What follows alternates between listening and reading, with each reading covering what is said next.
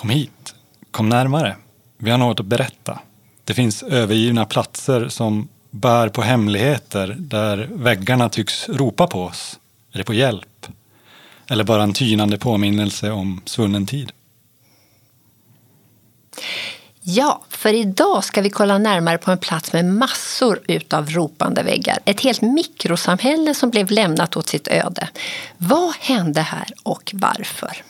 Platsen är då Säve gamla flygfält och vi ska ut på en resa som omfattar 10 000 år och prata om kulturlandskapet, de övergivna resterna av flygflottiljen och planer som finns för framtiden. Mm.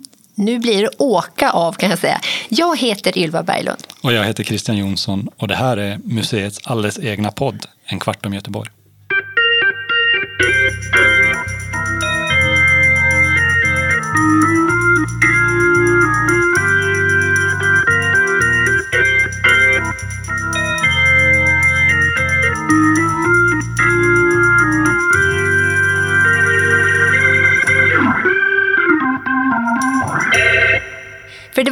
Kall och snöig dag före jul som vi fick följa med en av våra kollegor ut till Säve som ligger mitt på hissingen. Och anledningen är ju att Castellum, den största ägaren, ansökte om att få göra om platsen. Som är gigantiska 3 miljoner hektar. Ja, men det område vi egentligen pratar om är bara 520 hektar stort. Mm. Och för er som då har lite så visuella syner av detta så är det ungefär tusen fotbollsplaner. Mm. Men då ingår också mark som ägs av Göteborgs stad och Fortifikationsverket samt ett antal andra privatägda fastigheter. Mm. Men störst av alla är Castellum som 2018 förvärvade sina delar av området. Och redan då så var ju det här resterna av den här gamla flygflottiljen i riktigt dåligt skick. Men nu vill de öka exploateringen radikalt och förändra markanvändningen. Men den befintliga flygverksamheten ska de behålla på ett av flygfälten. Och de har väl också kvar den där ambulanshelikoptrar och där finns också en pilotskola bland annat. Mm, precis. Men då sätter vi oss i bilen och styr ut på en snömoddig väg för att kolla in den bebyggelse som finns kvar. Och det här gör vi ju eftersom den sedan tidigare inte är utpekad i något av stadens bevarandeprogram. Mm. Och då tänker jag, våra lyssnare så här undrar, varför är den inte utpekad? Ja, men man kan säga att hela området har flugit lite under radarn eftersom det varit ett militärområde. Mm. Alltså, det har gjort det nästan omöjligt för bebyggelseantikvarier att komma in och bedöma områdets värden. Mm. Men det här med militär, det är ju spännande. Ja, det är det ju. Men vi kan ju också säga att bara för att det saknas ett utpekande så betyder ju inte det att det helt saknas värden och kvaliteter i området. Mm. Men jag tänker vi behöver titta närmare på det här begreppet övergivet område i just det här sammanhanget och kolla på anledningar till att det har blivit så här. Mm, bra idé. Men kan vi inte först berätta vad vi såg där i snön, alltså så lyssnarna får en, en bild? Ja, det kan vi så här. Vi såg alltså ett helt samhälle i anslutning till Säve gamla flygfält med skolor, hangarhallar, gymnastikhall och fotbollsplan, kantin, bostadshus, officersmäss, logement, verkstäder och till och med en övergiven väderstation som stod på en kulle som tagen ur en Wes Anderson-film. Mm. Många av de här husen var ju ljust målade, de var vita, grå eller beigefärgade. Mm. En del storskalig bebyggelse finns ju också för att alltså det här ska ju funka som, en, som för flygplan. Mm. Eh, men om vi tittade närmare på var den här lite mer småskaligt byggda husen i trä och som också var fint anpassade till landskapet. Mm. Ja, man kan säga att det är inga förtätningsidéer som har styrt här inte. De ligger verkligen utspridda runt två kullar. Vilket ju hänger ihop med att det inte är en hög exploatering som styrt planeringen utan snarare tankar på krig. Mm. Eh, alltså därför placerades byggnaderna här så att de, man från luften skulle tro att det var en helt vanlig jordbruksby. Mm. Alltså det gjorde ju att det blev svårare att angripa genom fientliga flygattacker med bomber och granater och allt vad det är. Mm. Eh, men angripna är de idag får man säga. Och här krävdes verkligen inga bomber och ingen ryss med krig i blick. Jag har i alla fall inte sett så här många övergivna byggnader på en och samma gång i Göteborg. Nej, det var lite som att besöka en spökstad från vilda västern. eh, efter att ja, den här guldruschen har tagit slut. Mm. Det var bara de här tumbleweeden som saknades. Och så skiljer det sig åt att det, det faktum att det faktiskt var Göteborgsvinter när vi var där. Mm. Kallt, men jag håller med om den här bilden. För det här är ju faktiskt en slags spökstad. Det är bara att guldruschen i det här fallet, det är ju någon märklig mix utav övergiven politik, övergiven teknik som resulterat i en övergiven historia, kultur och kollektiva minnen. Men vad, är det med ekonomin? Ja, men jag tänker vi kan ta det här lite ekonomispåret på slutet. Okej, okay, men eh, för att, då, för att vi ska få ihop en logisk tidslinje i, i det här så ja, vi gör som vanligt, vi tar det från början. Mm. Det här är ju ett eh, gammalt kulturlandskap. Mm, men berätta då. Ja, till att börja med, alltså namnet Säve, det tror man är äldre än järnålder. Alltså, oh, coolt får man säga. Ja. Ah. Nej, men för i området har man ju hittat arkeologiska lämningar från stenålder, bronsålder och järnålder. Under stenåldern just så var ju Hisingen en skärgård med flera öar. Mm. Så man kan säga det här med fisk och skaldjur, det är liksom en del av stenåldersdieten? ja, visst. Men när jordbruket utvecklades under bondestenåldern så kompletterade man ju menyn med andra grödor och hade även djur som betade på sluttningarna. Mm. Det är i alla fall otroligt häftigt att tänka att folk har bott i Säve i 10 000 år. Ja, och den här delen av hissingen den visar ju jordbrukets historia. Alltså från järnålder fram till laga skiftet, alltså som är den här stora jordreformen som kom under 1800-talet. Mm. Nu pratar vi verkligen långa tidsförlopp. Mm. Och ni som lyssnar, åk ut och kolla på exempelvis Öxnäs by som visar gårdar som ligger kvar i sånt där oskiftat läge, alltså väldigt tätt ihop. Ja, det är ett bra tips på utflykt. Ja, det finns ju också utskiftade gårdar här, alltså sådana som flyttades ut i skiftena. Mm. Så man kan få syn på gårdar både före och efter att eh, de här skiftena radikalt förändrade landskapet. Mm. Men nu har vi i alla fall lämnat förhistorien och så har vi tagit oss in i historisk tid. Ja, men vi måste först pausa och berätta något som kanske inte alla våra lyssnare vet om. Vad? Nej, men det här att eh, det här området tillhörde ju Danmark och Norge som då var en gemensam nation på den tiden. Ända fram till freden i Roskilde. Så Skändlabergen var en riksgränsen för Sverige mot norr och först efter 1658 blev det här området svenskt. Mm. Alltså här har vi ännu en anledning till att folk måste ta sig hit och kolla. Säve känns som utomlands. Okej, okay, det var ditt förslag på marknadsföring här. Tror du bygdens fastighetsutvecklare nappar på den slogan? Ah, kanske inte, men i alla fall. Nu tänkte jag att vi lämnar 1600-talets Säve och börjar prata om 1900-talets politik. För vi måste ju börja prata om det här märkliga som hände när ord från dåvarande statsminister Per Albin Hansson i ett slag förtrollade platsen. Hans simsalabim förändrade allt.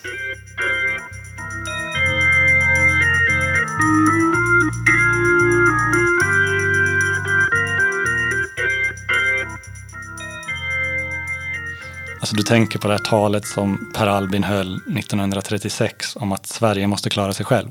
Precis. Då citerar jag mm. eh, från det talet. Vårt land bör så långt som möjligt själva tillverka sina vapen. Varje nödvändighet att inköpa sådana utifrån gör oss mer eller mindre beroende av andra stater. Vi har goda varv som kan tillgodose vårt behov av krigsfartyg. Vi har goda vapensmedjor för armén i Eskilstuna och Bofors. Men vi har ingen tillverkning inom landet av stridsflyg. Mm. Så sista raden i det här talet omsattes ju direkt i en politisk policy som förändrade industrihistorien. Alltså politiken kickar igång företaget Saab som drar igång en inhemsk produktion av stridsflygplan. Det här är ju mellan två världskrig och krig, både det som just genomlevt och det, det som man fruktade, det blev ju motorn bakom den här innovationsutvecklingen. Mm. Och så lägger man till att det här är långt före vi hade hamnat i någon peak oil. Alltså utan bensin och sådana här förbränningsmotorer hade det aldrig gått.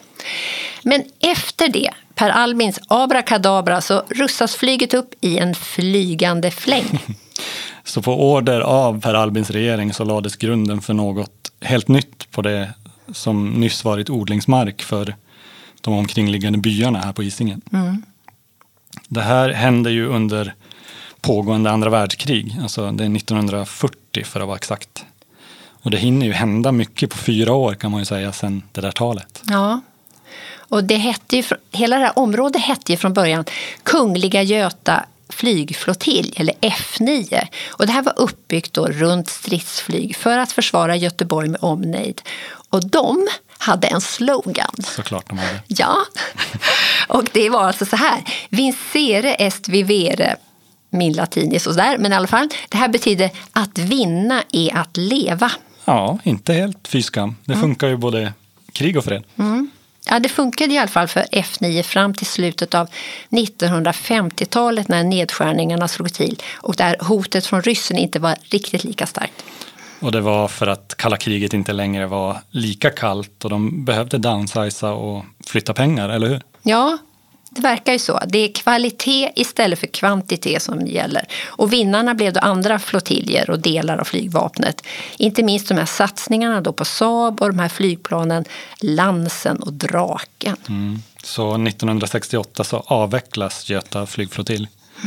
Men det som troligen är världens första och största bergshangar fortsatt att användas som krigsbas i området. Faktiskt ända fram till millennieskiftet. Mm. Och den där hangaren skulle ju skydda mot kärnvapenhot. Eh, och idag så ligger flygmuseet Aeroseum där. Som också är värt ett besök tycker jag.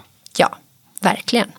Men efter Göta flygflottilj hade lagt ner så flyttade Värnpliktsverket in på området och så fanns också en helikopterdivision och annan verksamhet. Som sen följdes av Gothenburg City Airport som platsen bytte namn till.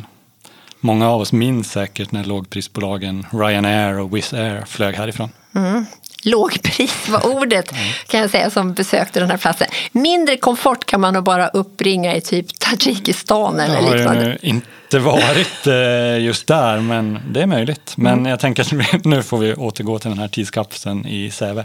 Japp.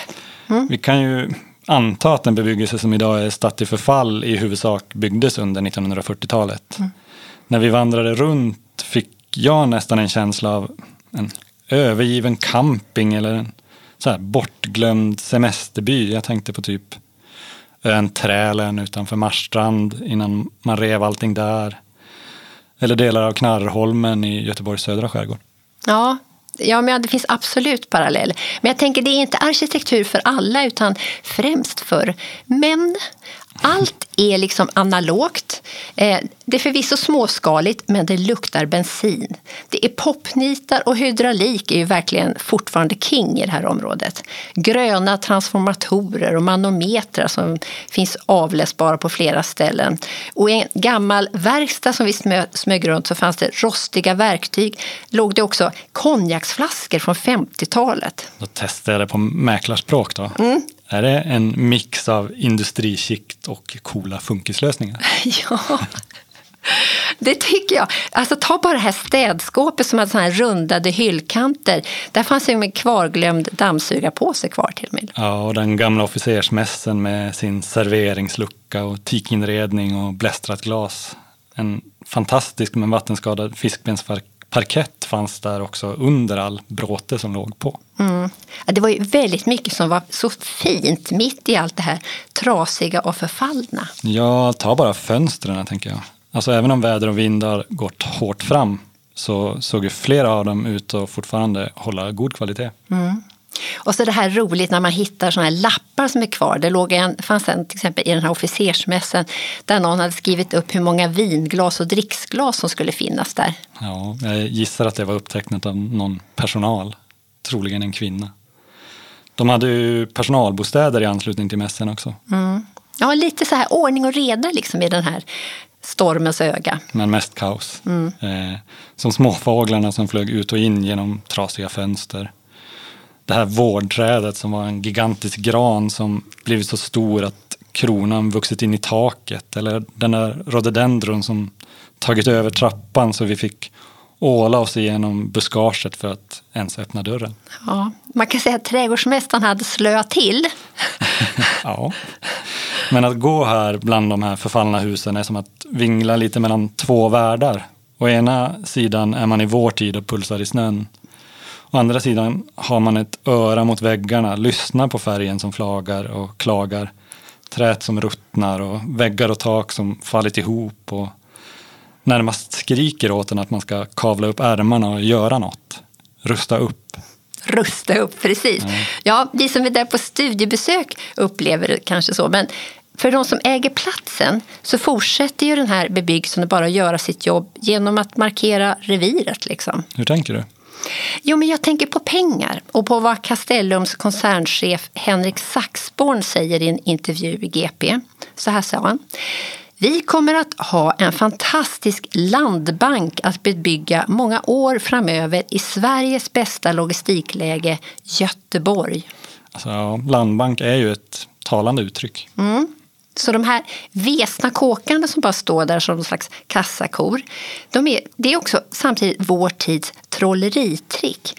Det ser deppigt ut, men sedan de byggde så har liksom rikedomen flyttat från det här mikrosamhället bort från huset och liksom runnit ner i själva marken. Mm, men alla värden vi ser i bebyggelsen kopplad till den här upprustningen då av flyget under kalla kriget, de finns ju kvar, de är ju där. Absolut, men ur ett markägarperspektiv så tycks inte det vara prioriterat. Deras spelplan är liksom kopplad till den globala ekonomin. Mm. Och enligt Business Region Göteborg, alltså BRG, så är Göteborg Skandinaviens ledande logistikcenter. Då. Det passerar faktiskt 150 ton varor per år. Mm. Och en del av det varuflödet kommer alltså att förvaras i det som planeras att byggas här. En gigantisk logistikhall i Säve. Och visionen är enligt GP att nu kommer ett nytt citat ur GP. Säve flygplats ska enligt fastighetsbolaget förvandlas till en myllrande logistikpark och plats för framtidens elektrifierade och självgående fordon. Gateway Säve ska det hela kallas. En investering som initialt uppskattas till 10 miljarder kronor. Så då kan vi sammanfatta att på 10 000 år så har det här området gått från stenåldersskärgård till mark för boskap och odling, flygflottilj under krigstid och lågprisflyg under fredstid för att nu då på 2020-talet bli logistikparken Gateway Säve. Ja, simsalabim säger jag på den. ja, tack för att ni har lyssnat. Ja, tack för mig också. Vi hörs nästa gång.